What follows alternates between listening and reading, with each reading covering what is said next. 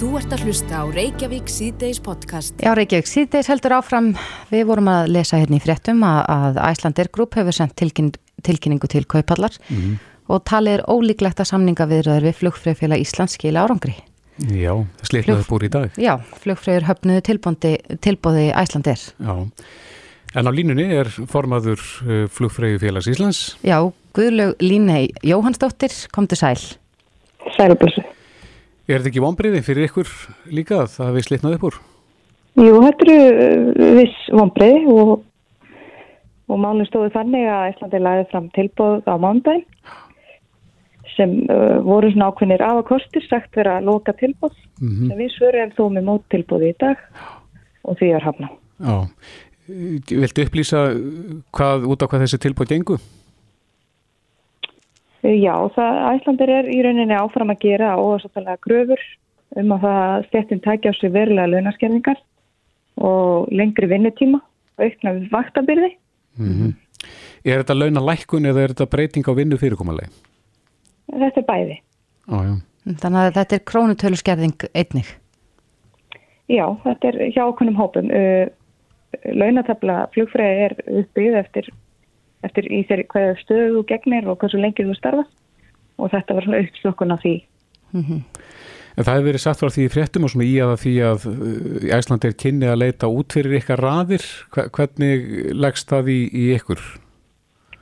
Já, þegar fyrirtæki á markaði er að huga því að fara fram hjá stjættafélagum þá held ég nú að það sé svona eitt af þenn stóru málefnum sem við bara þurfum að stönda verðum á íslensku vinnumarkaði, mm -hmm. hvað sem er einhvern til sóma. Nú var talað um í fréttum í dag að, að mögulega væri, er þið stopna nýtt stjættarfélag með þá einhverjum af flug, þeim flugfröðum sem áður störfuðu hjá Æslandi er.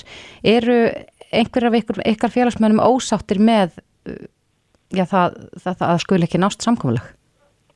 Ég get að sjálfsög ekki tala fyrir einstaka aðila en í eh, okkar hópi við taljum um þúsund félagsmenn. Samstæðan er ótrúleg og þær sem hafa verið lengi starfið segja hreinlega að þetta verði aldrei verið svona. Ég get allavega ekki fundið fyrir því að það sé einhver hópur sem er ósáttur. Ég finn bara rosalega mikið meðbyr frá okkar fólki og reyndar allstaðar bara úr þjóðfélaginu okkar. Mm -hmm. En uh, það er mikið í húfi og nú er Æslandir búið að semja við uh, tvær stjettir af þremur, það er að segja flugvirkja og, og flugmenn, þið standið eftir. Hafið þið fundið fyrir þrýstingi frá öðrum í fyrirtækinu að, að semja? Eh, nei, ég get nú kannski ekki sagt það. Þetta er pressan gríðileg. Það þarf eins og að hugsa það að við stundum á öðrum grunni en hinnar flugstjætturnar þar sem eh, báðarstjættur voru með gildandi kjærasamninga. Okkar, haf, okkar samningar eru búin að lausir frá ársbyrjun 2019 og meðan þessar stjættir hafa fengið launahækkanir bæði vegna 2019 og, og 2020. Mm -hmm. Hva, hvernig sér þau fyrir framhaldið? Nú er, er hlutafafundur á, á fyrstu daginn, það er stutt í hann. Mm -hmm. Hva, hvað sér þau fyrir? Hvernig heldur þú þróunin verði? Já, ég er nú ekki með uh, spátumskáðu en uh, ég er nokkuð vissum að, að uh, launakjör flugfrið á þjóna standa ekki vegi fyrir því hvort að fjárfæstur ákveða að taka þátt í hlutafjörðbóðinu og við sem stjætt neytu því alfarið að við höfum eitthvað vald í þeim efnum. Við sínum áfram ríkan samlingsvilja og mætum þegar okkur uh, ber til og það er engin breyting þar á. Nei. Er, er reyði meðal ykkar í félaginu? Ég myndi kannski ekki segja hvað ég segja, sko, það var mikil reyði þegar við lögum fram síðasta tilbúð, félagsmenn hafa náttúrulega sjálfsög ekki fengið að sjá þetta tilbúð sem okkur uh, sem við vorum að hafna í dag uh, fólk er að sjálfsögur hrætt og óttastlegið en, en samstæðan er gífileg og á því liðu við mm -hmm. mm. En munar, munar miklu á milli deilaðila núna? Er... Já, við erum í rauninni búin að sína fram á að við erum tilbúin í ymsar eftirgjafir sem veita fyrirtækinu möguleika á verulegri hagraðingu og, og borið fram bara mjög hólega kröfur um launahækkanir eins og aðrir á vinnumarkaði. Mm -hmm. uh, hins vegar eru þær kröfur sem settar eru fram af æstandir eru ósáttalegar og það miklar að það er þennilega ekki hægt að samsíkja þessu. Þannig að gjáin er of breið og of djúb? hún er það, eins og staðin er núna. Mm -hmm. Guðlug Lína Jóhannsdóttir formaði flugfræði félagsins. Kæra þakki fyrir þetta og gangi ykkur vel. Takk fyrir það. Já, frá flugfræðunum uh, vindum okkur að Æsland er en uh, það slitnaði upp á viðraðum hjá þeim í dag. Mm -hmm. Bói Níls Bóasson, fórstjóri Æsland er á línu, kom til sæl. Komið sæl. Já, vonbreiði fyrir ykkur vantilega líka? Já, mikil vonbreiði að ná ekki að ljúka þessu eins og stengt bara. Já, hvað þýðir þetta? Já, það þýðir bara það að við verðum að meta stöðun og, og hvaða möguleikar er í henni. Það, það er bara það sem við erum að horfa á núna og við höfum náttúrulega stengt að því að, að ganga frá samningi við flugfræðufélag Íslands á sviðböðu nótum og höfum gert við bæði félag Íslandska aftunarhumann og félag það er flugverkjafélagið og, og, og við vorum bara að vinna eftir því að, að ná fram í raunni sömulöst hvað var það flugfræðufélagið en því miður gekk það ekki í dag en hérna þannig að við þurfum að skoða aðra möguleika eftir þenni. En það tilbúð sem þið lögðu fram við, við flugfröðufélagið, er þetta á svipum nótum og það sem að, að flugvirkjar eru búin að samþykja og uh, flugmenn munu ganga til at, atkvæðgreðslu um núna á næstu dögum? Það eru samningarnir mismunandi en við berum til dæmis saman samningi sem við gerðum við félag íslenski atvinnuflugmann og, tilbúið sem við lögðum fram við flugfröðufélagi þá verður þeir keimlíkir varðandi mjög margt, varðandi vinnuframlag og, og segjanleika þannig að þetta er algjörlega í takt, já. Já, en bóið það hefur verið í að því í fréttum í dag að, að þið gætuð sami við flugfröður sem standa utan þessa félags og, og jáfnvel nýtt félag er þið stopnað.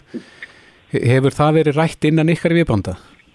Nei, við okkar markmið og okkar vinnahöfur engum snúist um það að að framlengið að gera samning, nýja samning við flugfræðufélagið og, og öll okkar vinna, það hefur verið gríðarlega vinna að lögði það á undarhörnum vikum og alla þess að drá samningarunni en því meður erum við stöldið þessum stað núna. En hversu máli, hversu miklu máli stiftir að, að landa þessum uh, samningum fyrir hlutaföndin? Við hefum sagt að það skiptir mjög miklu máli að vera með sem skýrasta línur á hlutaföndunum í höfstæðin og það er mjög mikilvægt að hafa klára tvo samninga af þremur og hérna og við erum bara að fara yfir þetta nokkar hlutum á höfstæðin og, og það er það sem við verðum að gera. En hérna varandi tilbúði sem við lögum fram að þá erum við að eins og þú komið fram áður að byggjum auki vinnuframlaga en á sama tíma eru að standa verðum með ástöðun og tekjur og bjóða fram hækkanir á grunnlunum og sérstaklega leggstu laununum. Og það er algjörlega okkar mat að við erum að færa í rauninni vinnuframlag og sveigjanleika sem að nær samkynningsfélagunum og þá erum við alls ekki að tala um ágjaldafélagum, við erum frekar að tala um félag sem við setjum á Norðurlöndum, SAS og Finner og, og sama tíma erum við að bjóða upp á starfskjör, flugfröð og flugflóna sem, sem verða með því besta sem gerist í á Vesturlundum, fráttur miðað þetta tilbúið sem við erum að leggja fram. Mm -hmm. Hún Guðlug Líni í formaður flugfrið félagsins að okkur hérna áðan að þetta snýrist bæði um sko vinnuframlægið og krónutölu lækkun. Já, eins og ég sagði áðan þá erum við að bjóða aðrinni krónutölu hækkun á, á grunnlaun og mest á lægstu launin. 12% hækkun þar þannig að við erum að uppleikið er er að standa að verðum ráðstöðun og tekjur okkar starfsmanna og um það hafa allir þessi samninga, allar þessi samninga verið að snúist. Er, er, þetta þá, er þetta þá krónutölu lækkun á hæstulönin? Nei, það er ekki krónutölu lækkun á hæstulönin, það er ákveðna skipilagsbreytingar. Nei, ég menna lækkun, krónutölu lækkun á hæstulönin. Nei, það er ekki krónutölu lækkun þar heldur. Það er ákveðin svona skil, skipilagsbreyting sem við erum að leggja upp með, svona uh, að taka út eitt millistjórnunar hlutverk í hjá flugfröðum og erum við bara einfalda skipilag hjá okkur, þannig að en í heilsinni erum að bjóða, bara, erum að bjóða fram á fram krónutölu hækkun bæð og lægstu og hægstu laun en ákveðin skipulagsbreyningar eigast stað til einföldunar og, og hægraðingar hjá félagin. Já, en þetta er í rauninni... Það er það sem við vorum að bjóða í rauninni. Já, eh, bói, þetta er í rauninni eh, síðasta félagið af þessum þremur grunnfélagum sem að, sem að þið eru að, að semja við. Eh, finnir þú fyrir miklum þrýstingi þar að segja að, að það verði, þessi samninga verði kláraðir? Þetta er í rauninni síðasta púslið ekki, minna eins og hefur komið fram að, að þá hérna hefur fengið viljiri frá ríkistjóninni að hún er unni stíði félagi með lánalínu eða ábyrgis lánalínu að þeirri fórsendu að þeirri fórsendu gefinni að við klárum hlutafjár aukningu og, og það er krefandi verkefni að sækja nýtt hlutafjár á þessum miklu óvissu tímum í, í flugrækstri og heiminum öllum. Þannig að við verðum að sína fram á bara sterka eða góða framtíðar horfur í hjá fyrirtækinu og, og launaliðurinn er ansið stór þáttur í okkar rekstri og, og hefur mikið að segja hvað var það sankynnishæfi þannig að uh, við þurfum að sína fram á að við séum sankynnishæfi hvað þennan lið var það til lengra skemmið tíma. Já, e, næstu skref, hvað, hvað gerist núna? Það okkur stílst að djáinn sé mjög djúb og breið á millikar, hvað gerist nú? Og hún er allavega nú óbreið til þess að samlingar náist eins og ég sagði við erum bara að meta stöðun okkar fókus hefur verið á það að ná þessu samlingum og semja við flugfröðufélag og það er ekki gengið eftir þannig að við þurfum að, að bara meta stöðuna eitthvað nýtt uh, núna og tökum einhver tíma í það. Já, Bói Níls Bóasson fórstjóra Íslandir, kæra þakki fyrir þetta. Takk alveg Bless, bless. Þú ert að hlusta á Reykjavík C-Days podcast. Um, Hafa aldrei verið lægri Já, það er spurning, hvaða áhrif hefur þetta á landsmenn? Meðal Gunnu og meðal Jón? Akkurat, ég er einn meðal Gunna sem skilur ekki sérstaklega mikið í stýrivöxtum eða hvað, hvaða áhrif þeir hafa á mig og þarf oftast að ringja í vinn til þess að fá útskýringar. Og á línun er vinnur, Jón Bjarki Bensson, aðalhagfræðingur Íslandsbanka, sæl. Já, komið sæl. Já, hvaða áhrif eh, kemur svona hressileg lækkun til með að hafa á uh, bara meðal Jónin? Uh, Þau verða nú markháttuð en tilgangurinn með þessar læku núna er auðvitað að, að leta bæði heimilum og fyrirtækjum lífið á, á, á markanátt og hvetja til svona að, að umsvifi í, í efnarslífinu verði meiri en ella. Er verið að hvetja til meiri neyslu, sem sagt? Meðal annars. Uh -huh. Lágir vextir auðvitað draga úr, úr hvata til þess að spara ef, ef að fólk hefur, hefur vil ekki fyrir að melli handan og er að hugsa fyrir á ég að gera þess betur um í dag eða fæ ég kannski ennþá meira fyrir peningir ef ég legg hann að bók mm -hmm. þá auðvitað ef vextur mér lágir þá kannski þá er ekkit svakalega spennandi að geima auðrin sinn eða það er hugsunin að verða á minna spennandi að geima auðrana í árið eða tvö ár og fá svo kannski bara ósköp svipa fyrir þá að þeim tíma liðnum mm -hmm. heldur en bara að gera sig glæri þetta í dag og núna þegar auðvitað er orðið ekki skettur og við hefum séð náttúrulega alls konar um sig dragast hratt saman mm -hmm. þá, þá er það og, og þegar það við bætist að við höfum verið duglega við að spara ynga til bæði heimil og fyrirtæki það er bara staðan staðan hjá, hjá svona þorra heimila er lettilega góð núna þegar við förum hérna skell og enginn sérstök ástæða til að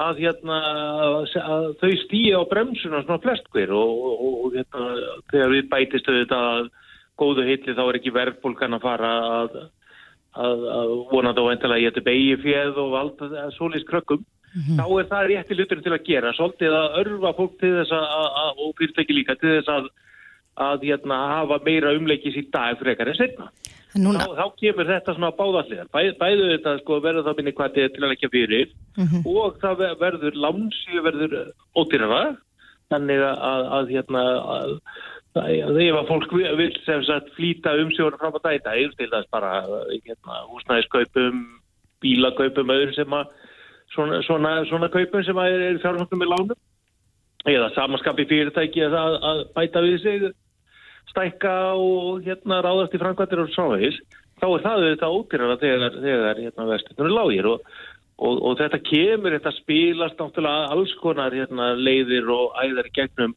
fjármálkerfið aðgerfi en, en einfaldi tilgangur er einfallega þessi. Mm -hmm. Við gerum meira, höfum meira umleikis í dag frekar heldur en að hérna, býða eftir uh, veist, hvað framtíði byrjir skutsin. Akkurat. Nú eru margir auðvitað að hugsa um lánin sín, stærstu skuldir flestra heimilegur og húsnæðislánin. Mælur með því að fólk endur fjármagni á svona tímum og, og finni betri kjör fyrir lánin sín? Það verður auðvitað hver og einn að skoða það eftir, eftir sínum efnum aðstæðum. En góðu heitli fyrir neytendur þá hefur eh, aldrei verið jafn auðvelt að endur fjármagna eins og þess að það búið að draga mikið úr kostæðinum við að greiðu blán og taka nýj og á sama tíma hefur samkjöfna íbáðlánamarkaði verið bísnahörð þar sem að lífeyrisjóðunar hafa veitt uh, böngunum uh, hérna, tölur tarða sækjafni aftur til hagspota fyrir neytandar og, og þegar vextir hafa lækka þetta bratt þá held ég að sé full ástæða fyrir, fyrir þá sem að, eru með íbúalán sem er að tikka á hæri vöxtu til, til að reikna dæmið. Hvað, hvað litið mörgum þar fyrir ekki? Það, það er svo misast eftir, eftir sagt, hvað, er mikið, hvað er langt eftir í svo kallað reset, þeir sem eru með til dæmis lán með höstum vöxtum, mm -hmm. þeir hafa ákveðna dagsetningar þar sem geta uh, endur fjármagna án þess að borga uppgreiflu, það er miklu ódýrar á þessu dagsetningum. Og ef það er stutt í það þá er, þá er er til dæmis uh, hagstætt að býða bara eftir að það gerist það því að það lítur heldur ekki út til að vexti sé að fara hækkan eitthvað hvernig aftur en, en, en klárlega sko af því að vestin á að læka það bara ef að, ef að munurinn á því, þeim lána sem að fólk eh, er að borga af þessa dagana og þeim, þeim lána sem er þetta fá svona tilturlega eh, auðveldlega og með ekki ómiklum tilkostnaði hjá, hjá sínu láfaði þetta ef, ef að þetta hleypur einhverjum prósendu þá eiga minn hygglust að reyta það dæmi. Það er til hluti af tilganginu. Það er til dæmis að með, með vasta lækkurni er að auðvelda svona hluti. Mm -hmm. Bæði heimil og fyrirtæki bara minka vastakostnaðin og það, það þá fyrir en segna. Við erum ekki endilega allir að býða eftir því að, að, að láni sjálftaki skilmálabreitingum heldur að, að bara sækja sér þessa kjara bóta á markaði sem helst í því að að lána. En má búast við því, Jón Bjarki, að þegar að viðspilna kemur og hér fyrir að ganga betur að stýrivextir hækki aftur?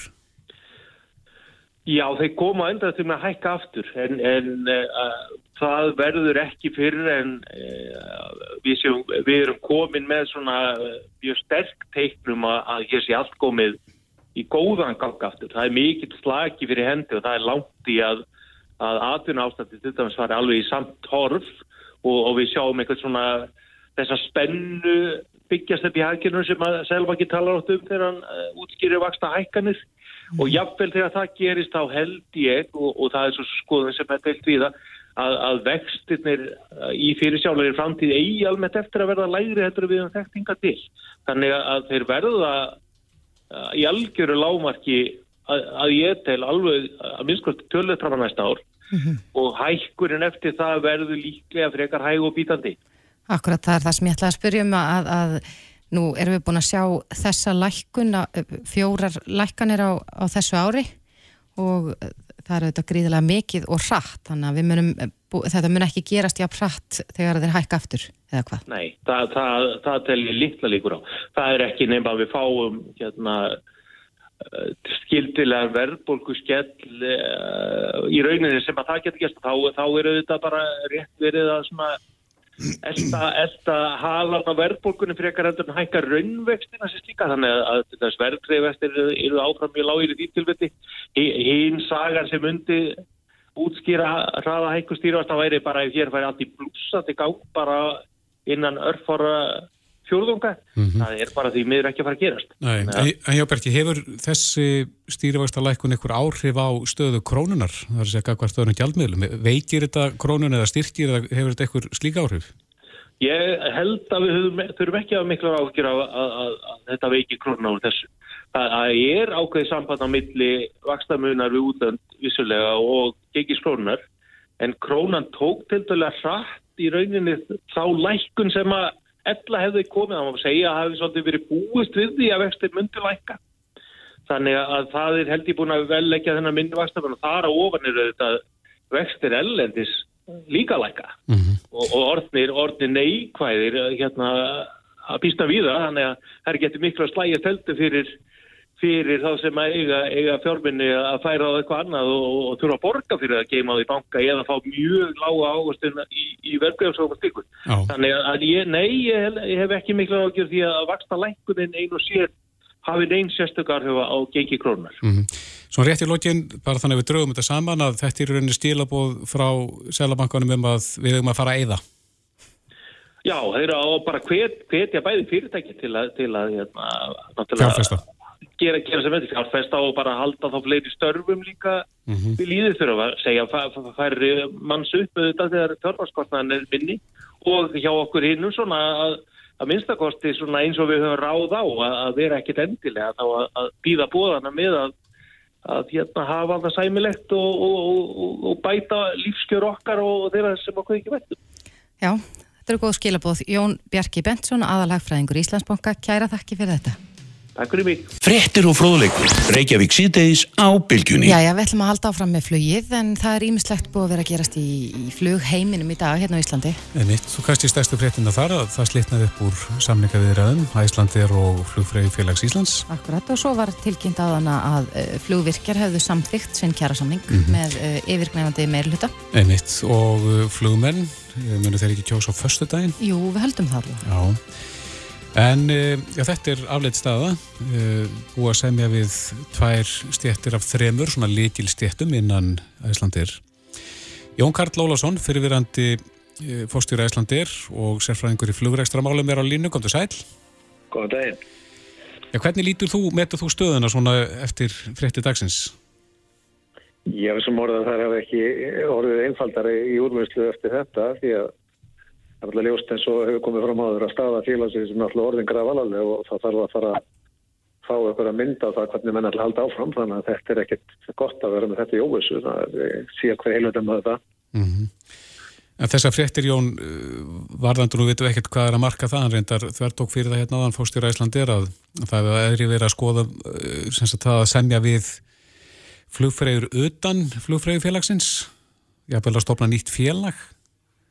Já, já, maður veit sem ekkert hvernig það er en auðvitað er það, eh, hvað maður segja, valmöguleik en auðvitað brúðust verkefælisfélagin til dæla stert við og kannski ekkert, ekkert undarlega til það því þetta er auðvitað, auðvitað spurningu ákveðna stöðu eh, sem menn hafa á þessu markaði en það er kannski rétt að benda á að, að það hefur auðvitað komið fyrir áður að ég held að flugmenn var voru í öðru stjættafélagi til dæmis heldur en félagi íslensku atvinnuflugmanna og þannig að auðvitað er þetta eh, leið sem er svo sem fær sko en En er eitthvað í samningum að þegar þú verið í þessum spórum áður að, að semja við þessar stjættir, er eitthvað sem að í samningum milli þessara stjættafélaga og félagsins sem að bannar það að það megi leita út fyrir þessar raðir? Já, það eru yfirleitt og hafa verið undanfærin ári í þessum samlingum ákveðin forkossettar ákveði sem segja að, þessi samlingar séu á melli félags eins og við komum til stjættafélags og aðrir hafa ekki heimilt til að vinna fyrir félagi. En uh, það er alveg ljósta að sko, í fyrsta leið eru náttúrulega samlingarnir ekki gildi þannig að þetta verið auðvitað eitthvað sem þetta þá endun í að og síðan hafa auðvitað við að koma upp ákveðin dæmum það að, að, að þessi að forkassettar ákveði standast í sjálf og sér ekki því að ef einhver stafsmæður ákveður hefur, hefur ekki áhuga því að verið við komið í stjættafélagi þá, þá er einfallega þannig að það er erfitt að banna honum að vinna þá hjá fyrirtæki sem ekki að vinna hjá. Þetta hafa allir fylgta dómum og þú veist, en, en þetta er auðvitað eh, hérna álitamál og menn hafa mjög mismöndi skoðanur á þessu, það er ekki spurning á það. Hver heldur þú að, að nú stýttist í þetta hlutafjár útbóð sem verður á fastu daginn? Hvernig lítur þú á stöðuna svona varandi það? Ég sko, þetta er náttúrulega mjög sérstu staða því að það verður að tala við hérna lífur í sjóðana sem eru margi hverju tengdi verkefliðsefningunni og, og, og þeir hafa þetta þess að kröfu fram eða með sko því er eina krafa hlutafa að það náist lengri tíma samlingar sem með, með meiri samkynningstæfri stöðu og, og síðan þegar komið er að, að því að semja þá, þá eru sömu verkefliðsfélagi jafnvel að benda á að þetta sé brota á öllu eða menn ætla sér að líta fram hjá því að semja við við komum til stjæftafélag þannig að þetta er svolítið snúin staða sem mennum við konum í. Mm -hmm.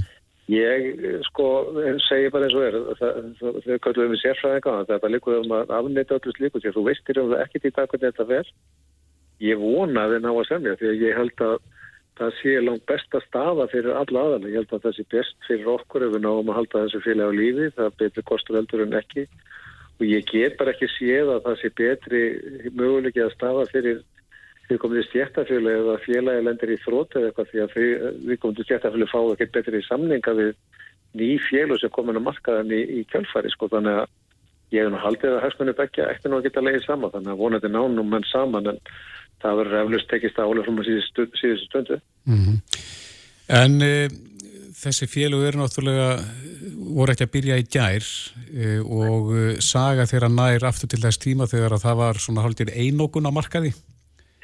Spilar það einhverja rullu? Já, já, það er auðvitað hluta vandans. Ég meina að menn hafa verið að ræða þessi, þessi samninga og, og sitt hínist hverjum ég hef aldrei verið vilja taka endilega undir það að laun þessara stjætta séu á það er miklu frekar vandin að, að vegna þessara samninga sem hafa fróast á 30-40 árum það hafa, hefur vinnuframlag svona eh, kerfisböndi minkað og uh, það er alveg ljóst og ég held að það sé ekki deil um það og allir sammála því að að nýtingartölur eða framleginni eða hvað við kollum, kollum þetta e, þessara e, samninga er verri heldur um marga samkjöfnisæðala og það, það er ekki með að benda bara þegar vábyrjaði hér að þá jáfnvel söndu söm, sömu séttafölu við það fjela önnur kjör og, og fjela, það fjela hafði meiri framleginni í tækifæri sínum samningum og þetta er auðvitað bara eitthvað sem hefur þróast í gennum árin og hefur verið gegnum tíðina. SAS fór í gegnum sambarlega Eh, að segja, leiðréttingar eða, eða, eða samningarlótur í kringu 2012 og 2013 þá það fjöla var eh, í raunverulega orðið gældflota og flest þessi eldri fjöl og hafa verið að reyna að taka þessi samningu upp því að eins og þú bendir ég eftir á að þessi samningar eru gerðir og meðan menn hefur svo næstu engalega á flugi. Eh, samkefni var mjög skolnum skamti og ég hef vel engin nú er þetta bara alltaf alveg staða, nú er komin nýfélagunum markaðan og samkeppnin er galopin og það geta allir ekki flóið meira með þessi vilja þannig að ef þú ert ekki samkeppnisefur þá er það bara mjög erfitt í, í, í framtíðar, framtíðarrestri, það er alveg bara, það er ekki spurning um það. Mm -hmm. En nú fyrst að við titluðum þig uh, sérfræðingi flug, flugrekstri, þá vil ég spyrja þig um, uh, já, mögulegan samkeppnisaðala hérna á landið en það er play, en það kom fram í fréttum um dagina að uh, allt væri tilbúið og, og þetta væri næstu tilbúið að fara í loftið. Já, já.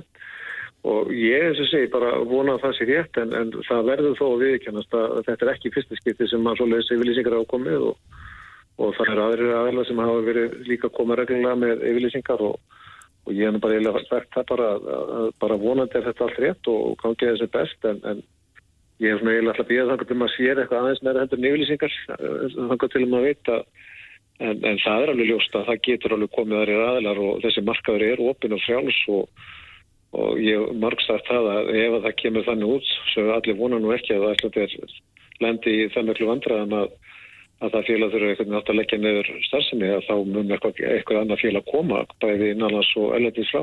Mm -hmm. Þannig að það er menn býða átekta. Ég segi þannig að menn býða átekta þeir sem að veru þá í startólunum Já, já, og, bara, og ég trefði það nú aftur bara kannski þessi best en, en En það er svona að segja, þessar yfirlýsingar hafa komin okkur reglulega, það byrja í óttabör og svo til nóðabör og desember og, og, og bara gangiði vel, en vonandi er þá meira núna á baka þetta heldur en kannski aður. Mm -hmm. Jón Karl Óláfsson, kæra þakki fyrir þetta. Takk svo mjög. Hlustaðu hvena sem er á Reykjavík C-Days podcast. Reykjavík C-Days á bylginni. Í dag er alþjóðadagur bíflugunar. Já, það er nú ekkert sérstaklega viður hér e, í höfuborginni fyrir bíflugur. Nei, Eða það, hvað? er, það er hljóta að fela sig eitthvað starf. Já, ég vona að það er haldið upp á daginn samt eitthvað starf. Já, ég vona það líka. En við veitum það öll að bíflugur eru mikilvægar, Mhm. en hvers vegna er það mikilvægar? Við ætlum að spyrja sérfræðinga því, en á línun er Egil Rapp Sigurgesson, hann er formaður bíflugna ræktenda félags Íslands. Mm -hmm. Sæll. sæl. Komið sæl. Ef ekki segja til hann mikið með daginn. Jú, takk hérlega. Er, eru kökur og svona í tilefni dags eða þér? Nei, nei, guð mig góð, það er ekki hugmyndið með það. Vorum við að segja þér fréttir? Já, En hvernig, hvernig hafa bíbændur það í dag? já, bíbændur býða bara eftir betra veðri, fyrst og fremst. Já, er þetta ekki kjörveður núna fyrir bíflugur? Ekki rýtning, þá gefa blómin ekkert af sig og þá fljúa það ekkert út. Já, já, þannig að það eru bara heima að slaka á núna. Já, þetta er rólega svona höllir bara uh, veður skánað. Já, en er, er við komið með eitthvað íslenskt afbreyði af bíflugum eða eh, gengur þetta allt út á flytinn? Já, það hefur við gert uh, þurft, sko. Það er, um, það bæði það er svo margir að byrja í bífunarækt og og svo hafa nú verið svona frekar mikil afföll hjá okkur á veturnar Mm -hmm. þetta var til dæmis skelvilegu vetur í vetur Já, já. út af roki og umleipingum og svo leiðis Hvað eru margir bíflugnaræktendur hér á landi núna sem þú veistum? Alltaf sé ekki svona 120 mann sem eru virki Já. það er að segja með bú og 30 manns að námskiðu hjá mig núna Já, já. Er, aukning sem sagt á hverju ári? Já, það er það. Það er, var nú óvinnum mikill áhuga núna í ár. 30 mann sem, sagt sem eru skráður í námskeið. Mm -hmm. Það verður svona kringum 20-25 flest árund frá 2011. Já, já. En hver, hver er nú kosturinn við það að stunda bíflugna rægt? Þetta er náttúrulega bara áhugavert eh, svona þvístundar um, mál. Um, hobby, ef það getur kallað sér svo. Mm -hmm. fyrst og fremst það sko. Þetta er svolítið, svolítið kostnaðasamt en í besta falli ef það gefur mikið af sér á hunangi og getur maður selgt upp í kostnað. Hvað gefur eitt bú af sér af hunangi? E, það er svo mísætt, ég var með bú hérna 2003 sem var 60 kíló eitt bú Já, það er slatti. Það er slatti, við fengum lítið eitt og hálft tonn samtals af hunaki í fyrra. Eitt og hálft tonn, já, allir bændur. Já, já, já. En eh, við vorum að tala með einn áðuna að bíflöðunar skipta gríðarlegu máli og við viljum alls ekki að það er degi út. Getur þú sagt okkur svona í stuttum máli af hverju? Bíflöður eru mjög virkir þrókara plantna í það heimi og sérstaklega mikilvæg í landbúnaði, það með sem svona neturækt og ávastarækt og allir því bandaríkjanum. Mikill og stór yðinnar þar að bíbændur keira búin sín á milli atra og það, það er nú aðalega hjöndlegar hverju búi geta orðið kannski á góðu sömri erlendis svona upp í 50 til 80.000 flugur í einu búi. Þannig að það eru mjög duglegar að frjóka mm -hmm. En svo er munur á, á bragðið það ekki milli búa? Já, það er aðalega bragðmunurinn er byggir engungu á hvaða gróður hvaða blómum bíflugan sækir blómasíkurinn frá. Mm -hmm og það sem að gefur keimin af bunanginu. Og hvað, hvað er nú talin vera besti staðurinn til þess að, að hérna, rækta bíflugur upp á bræðið að gera? Á Íslandi eða í heiminum? Já, í, á Íslandi. Á Íslandi. Bíflugur geta í sjálfur sem verið allstaðar uh, á Íslandi og allir sé ekki svona uh, bræðmesta og, og líklega besta hunangið er það sem kemur úr beitilinginu á haustin það er nú líklega svona það sem er best þannig að upp til heiða mm -hmm. einhver staðar Er algengt að fólk sem er svona bú í sumabústöðuna sínum? Já, til til algengt að fólk fyrir með það þenga mm -hmm. En kreft þetta mikil, mikillar vinnu? Eða hvert og eitt bú? Nú reiknar út að þetta takir svona per bú hefur maður með fleiri að sjö klukkutíma á ári. Við erum miklu meiri tími í þetta hér á Íslandi. Bæði út af því að það er svo gaman að finna þessu og, og forvittnin og áhugin er svo mikill að maður er að skoða þetta oftar. Mm -hmm. það þarf að skoða í búin á sumrin einu sinni viku svo að manni sér ekki út í sverm ah, svo líkur það náttúrulega líkur þetta niður í afleg hvað það segja september fram til april mm -hmm. veitrækvinn þeirra er þá það sapnast í klasa að halda hýta og bína bóst já. En ekkert, það eru margir hrættir við bíflugur. Er, eru bíflugur sem slíkar eins og þið eru að rækta, er það árásagjarnar? Alls ekki. Þessar eru ræktar og þessar framið til þess að þetta gæfar mm -hmm. ég sinni þeim oft bara í stöðbúksum það er að segja opna búið og teku bramma og svo leiðis og það er engin hægt að því. Nei, er það eins og randaflugurnar sem að maður getur klappað? Já, þú átt þá kannski við humlurnar. Humlurnar, já, já. E, Nei, þetta er náttúrulega allt önnur tegund. Það eru miklu minni. Það eru kannski svona svipar og stærð og, og geitungar. Geitungar er kannski aðeins lengri grenði mm -hmm. en um, þetta er náttúrulega þetta eru mismöndi tegundir en það eru semst það er ekkert að stinga því og það eru ekkert að klækast um kringu því þú veist að þú sett út á verand með einhvað fætindi eða eitthvað svolítið láta því algjörlega í friði mm -hmm. Egil Raffn Sigurðsson, formadur Bíflugnaræktendafélags Íslands. Tæra þætti fyrir þetta og við sendum bara ykkur bíflugnabændum. Bestu hverjur í tilmynd dagsins. Takk hjá lega. Reykjavík síðdeis á bylginni. Reykjavík síðdeis heldur áfram að allt öðru en bíflugum en, en hérna á vísi byrtist grein eftir Valgerði Sigurdóttur borgarfylltrúa þar sem er verið að tala um skóla sem heitir Arnarskóli og þetta er uh, skóli í Kópavogi sem er fyrir einhver börn Já. en Valgerður er komin hérna til okkar Sælvalgerður Sæl. Í þessari grein ertu að tala um að, að það séu börn í Reykjavík sem að hefur verið sinjað um skólavist í þessum skóla, einhver börn. Það er rétt. Hvers vegna er það?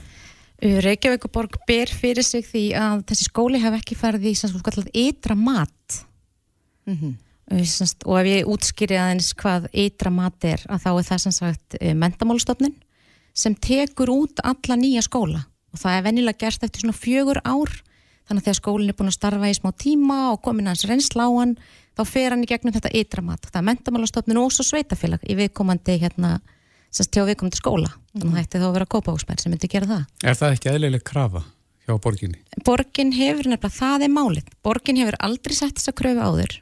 Borgin hefur ekki sinjað neinu batni um skólavist, það eru ófölli börn sem sækja hér skóla út fyrir sveitafélagið og þeim hefur ekki verið sinjað á þessum fósendum Mm. En bara þannig að við stiljum álið að, að uh, reykvíkingar hafa verið að senda börni sín einhver börn í þennan skóla því að þessi þjónust er það ekki til hér í borgin eða? Sko borgin býður upp á líka þjónustu fyrir einhver börn vissulega en þessi börn þau, þeim, sem sagt, þau fara frekar í Arnaskóla því þar er bara betur lúðað þeim og hérna, þjónustu sem henda þeim betur.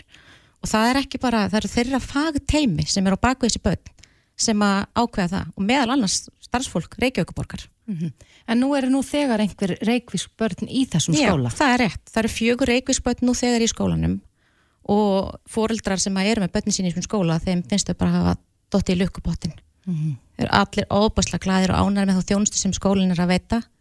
Og nú vilja sem sagt, fleiri reykjavíksbönn koma staðið þessum skóla. Og þá er komin þessi krafa að þessi skóli þurfa að fara gegnum eitramat. Skólinn er bara tveggjára þannig að þetta er til dælu ný, nýr skóli, nýtt úræði og þetta er náttúrulega skóli sem er sko hefur algjörlega sérstöð á Íslandi því þetta er semst fyrsti sjálfstætt starfandi sérskólin á Íslandi. Þannig að núna hafa börn með sérþarfir þau hafa val. Ef ég stilir rétt uh, og reyna að lesa milli línana, ert að segja okkur að þetta sé fyrirsláttur hjá borginni? algjör, ert, þú ert í minnilutanum?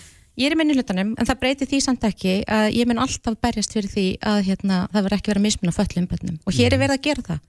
Nú þegar eru fjögur bönn í skólanum, fleiri fá ekki að komast í hann frá Reykjavíkuborg og nú þegar er, eru hérna sagt, ófölli bönn fá að fara í skóla í önnu sveitafélög það sem er ekki búið að gera ytra mat á skólum. Reykjavíkuborg hefur sjálf ekki gert ytra mat á öllum sínum skólum. En hver heldur að aðalást þann sé þá ef þetta er hérna, fyrirsláttur?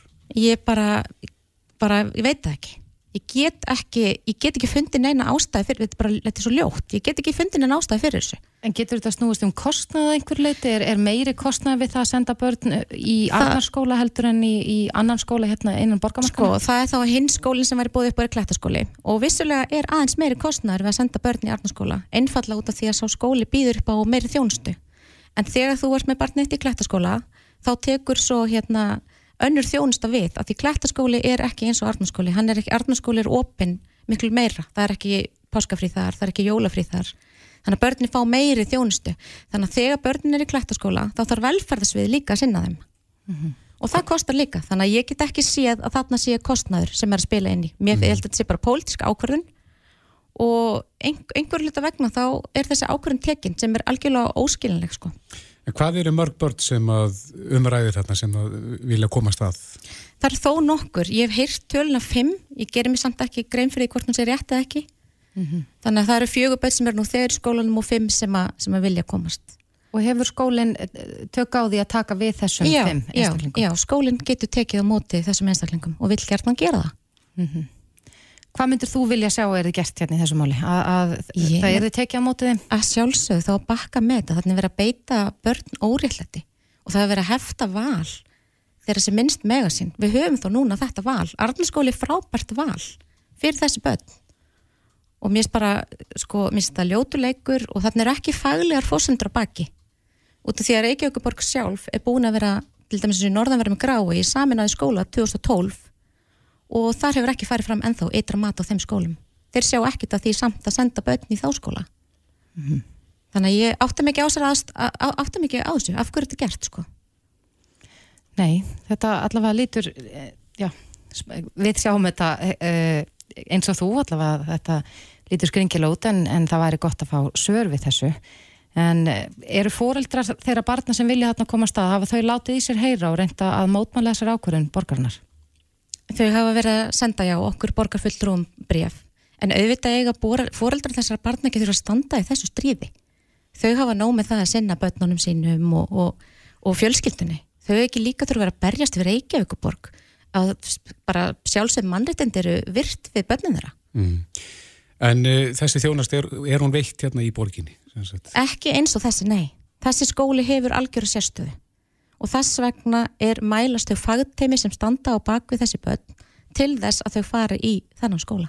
Valgerður Sigurdóttir, kæra þakki fyrir þetta. Þú ert borgarfulltrú í sjálfstæðsflokkurins í Reykjavík og, og við bara vonum að þetta mál leysist. Takk, Takk fyrir komina. Takk fyrir mig.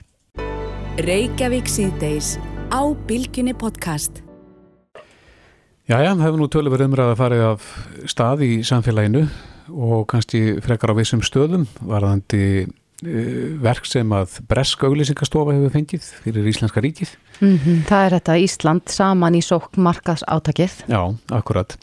Og í fréttin af vísi.ri segir að stjórnaformar auglýsingastofuna Pipars, TP2 telur að einn dómara í nefndinni sem valdi tilbóð Bresku auglýsingastofunar, MOC Satsi, Uh, í markasátæki Ísland saminni sókn hefur mögulega tengsl við hérna síðan nefndu stofu en ekkert hefur fengist staðfest í þeim efnum en vísir hefur sendt ríkiskaupum á Íslandsstofu sem fara fyrir markasátækinu fyrir spurninagna málsins mm -hmm. en sko, þegar þetta mál kemur fram í upphafi að þá var svona talað um það að það væri einkennilegt á þeim tíma þegar að það er verið að hvetja fólk til að velja Íslandst að það sé verið að leita út fyrir landsteinana mm -hmm. með verkefni Neytendur eru kvartir til þess að kaupa Íslandst og, og, og versla innan lands en, en já, margir hafa sagt að það virðist ekki að sama gilda um, um uh, ofnbæra fjármunni. Einmitt. Nú Sigur Hannesson, frangvöldastjóri samtaka innarins er á línu, kom til sæl. Sælverði. Já, spurningin er, þegar að svona árar í samfélaginu, hvort að ríkið eigi að einblýna það að, að halda verkum hér innanlands, að fá íslensk aðeila til verkana. Hvað, hver er þín skoðan á því? Ég held að hefur ofinbera eins og bara við öll ættum að huglega það, já, að skipta við hvert annat og við upplifum nú móður allra kreppna. Mm -hmm. Þetta er líklega mesta kreppa í heila öll, ekki bara hér á landi heldur um allan heim. Og staðan hjá okkur núna er að það er um 60.000 manns atvinnlausir eða í hlutastarfaleið og ríkisjóður verður reiki með já, hátti 300 miljardar halla á árinu. Svo þess að staðan er þetta, myndin er heldur dökk um, og stóra verkefnið fyrir utan það að huga heilsu og heilbriði landsmanna hlýtu þá að vera það að verja störf og skapa ný störf, mm -hmm. skapa verðmæti þannig að við náum aftur fyrir stöðu og, og gott betur. Lámarkum þetta efnaðslega tjón og þetta er það sem að er auðvitað kalla þá viðspyrnan þessa dagana. Mm -hmm. svo leiðis að í þeim þessum aðstæðum að þá þetta ættum við öll bara að huga því að skipta hvert við annað við innlendu fyrirtækin. Vegna þess að þegar við gerum það þá fer af stað keðjuverkun. Já En nú er verið að bjóða þessi, þessi verku út og uh, það er ákveðin skilda sem að kvílir og herðum ofinbjörðaðila að, að bjóða verku út á evróska efnaðsvæðinu. Það var enda frétt í gær það sem sagði að breytar ætluði að reyna að halda sínu verkefnum innanlands. Mm -hmm. En uh, hefur við vit og veistu til þess að, að ríki sé að fara þessa leið almennt að versla við innlend aðila? Já, ég get allavega sagt frá því að að við hjá samtökum einarins og annara samtaka í atvinnlífinu höfum tekið höndum saman með stjórnvöldum um markasáttak til þess einmitt að hvetja landsmenn til þess að, að skipta við innleginn fyrirtæki. Og það auðvitað gildi þá um hefur ofnbæra líka. Þannig að miða við það að þá þetta er ríkið að hugsa á þeim nótum og ég held að það skiptir miklu máli eins og ég nefndi á þann í, í þessu aðferði sem nú er. Að við séum að, að huga þessari keðjuverkun, við séum að verja störfin, stuðlað uppbyggingu og, og tryggja, tryggja það að, að heimilin, efnarslífið og auðvitað samfélagið allt haldist gangandi. Mm -hmm. Talandu um þessa keðiverkuna þá sagði Guðmundur Pálsson frangatastjóri Peipars í yfirlýsingu að, að Peipar gæti mögulega tekið 40 starfsmenn af hlutabótaleðinni ef að, ef að verkefni hefði fallið þeirra faðum þannig að það er vissulega keðiverkun í því. Já, svo sannlega og, og við getum séð svona dæmiðuð út um allt hvernig, hvernig þetta skiptir máli. Og það er líka bara vegna þess að það er svo margt sem er gert hérna innanland sem er gott sem að enginnist af gæðum og, og er vel samkefnishæft við það sem að gert annar staðar þannig að, við eigum með þetta að horfa til þess líka. Já, en eru íslensk fyrirtæki að taka þátt í útbóðum í öðrum ríkjum innan ES? Ég hef nú ekki nákvæmt yfirlit yfir það en ég held að sé nú eitthvað um það. Já. En ég held að það sé býstna mísjönd hvernig lönd innan Európu sambandsins eða ES-svæðinu nálgast þessi mál og við höfum alveg heyrt frá okkar félagsmönnum að sko, þeir hafa átt erfitt með að komast inn í útbóð annar staðar. Mm -hmm. En hafið þið myndað ykkur... Önnur löndi eru svolítið að kannski meira en við að passa upp á þessa hafnum. Einmitt. En hafið þið myndað ykkur skoðun á þessu máli með uh, þetta tilbóð sem að tekja þetta verk sem að fer til MOC Satsi á, á Breitlandi? Í sjálfu sér ekki, ekki móta okkur skoðun á því einstakamáli. Það eru leitin bara þetta almenna sem ég nefni að, að sko, það er þetta, verið að gera mjög margt gott hérna sem við eigum að horfa til. Já. En svo þetta bara, það er hver veit með að gera upp sinn hug og, og, og, og með það hvað hendar honum eða henni. Mm -hmm. en, en þetta er þetta eitthvað sem við eigum samt að huga að sko mm -hmm. og líta á sem valkost. Já, núna eru margir uh, Íslendingar að, að hugsa hvað þeir geta gert og, og til þess að styðja við íslenska framlöslu og, og verslun. Hvað er svona mikilvægast að skrefi sem þú telur að bara hinn almenni neytandi geti tekið? Það er bara að vera, við séum öll meðvitið um þetta og hugsa um það bara þegar við förum út í búð að svona hvaðan, hvaðan vörðin að koma og hvaða áhrif það hefur að á samfélagið allt saman að, að skipta við innlind fyrirtæki. Vegna þess að með vali okkar að þá höfum við áhrif á hverjum einasta degi.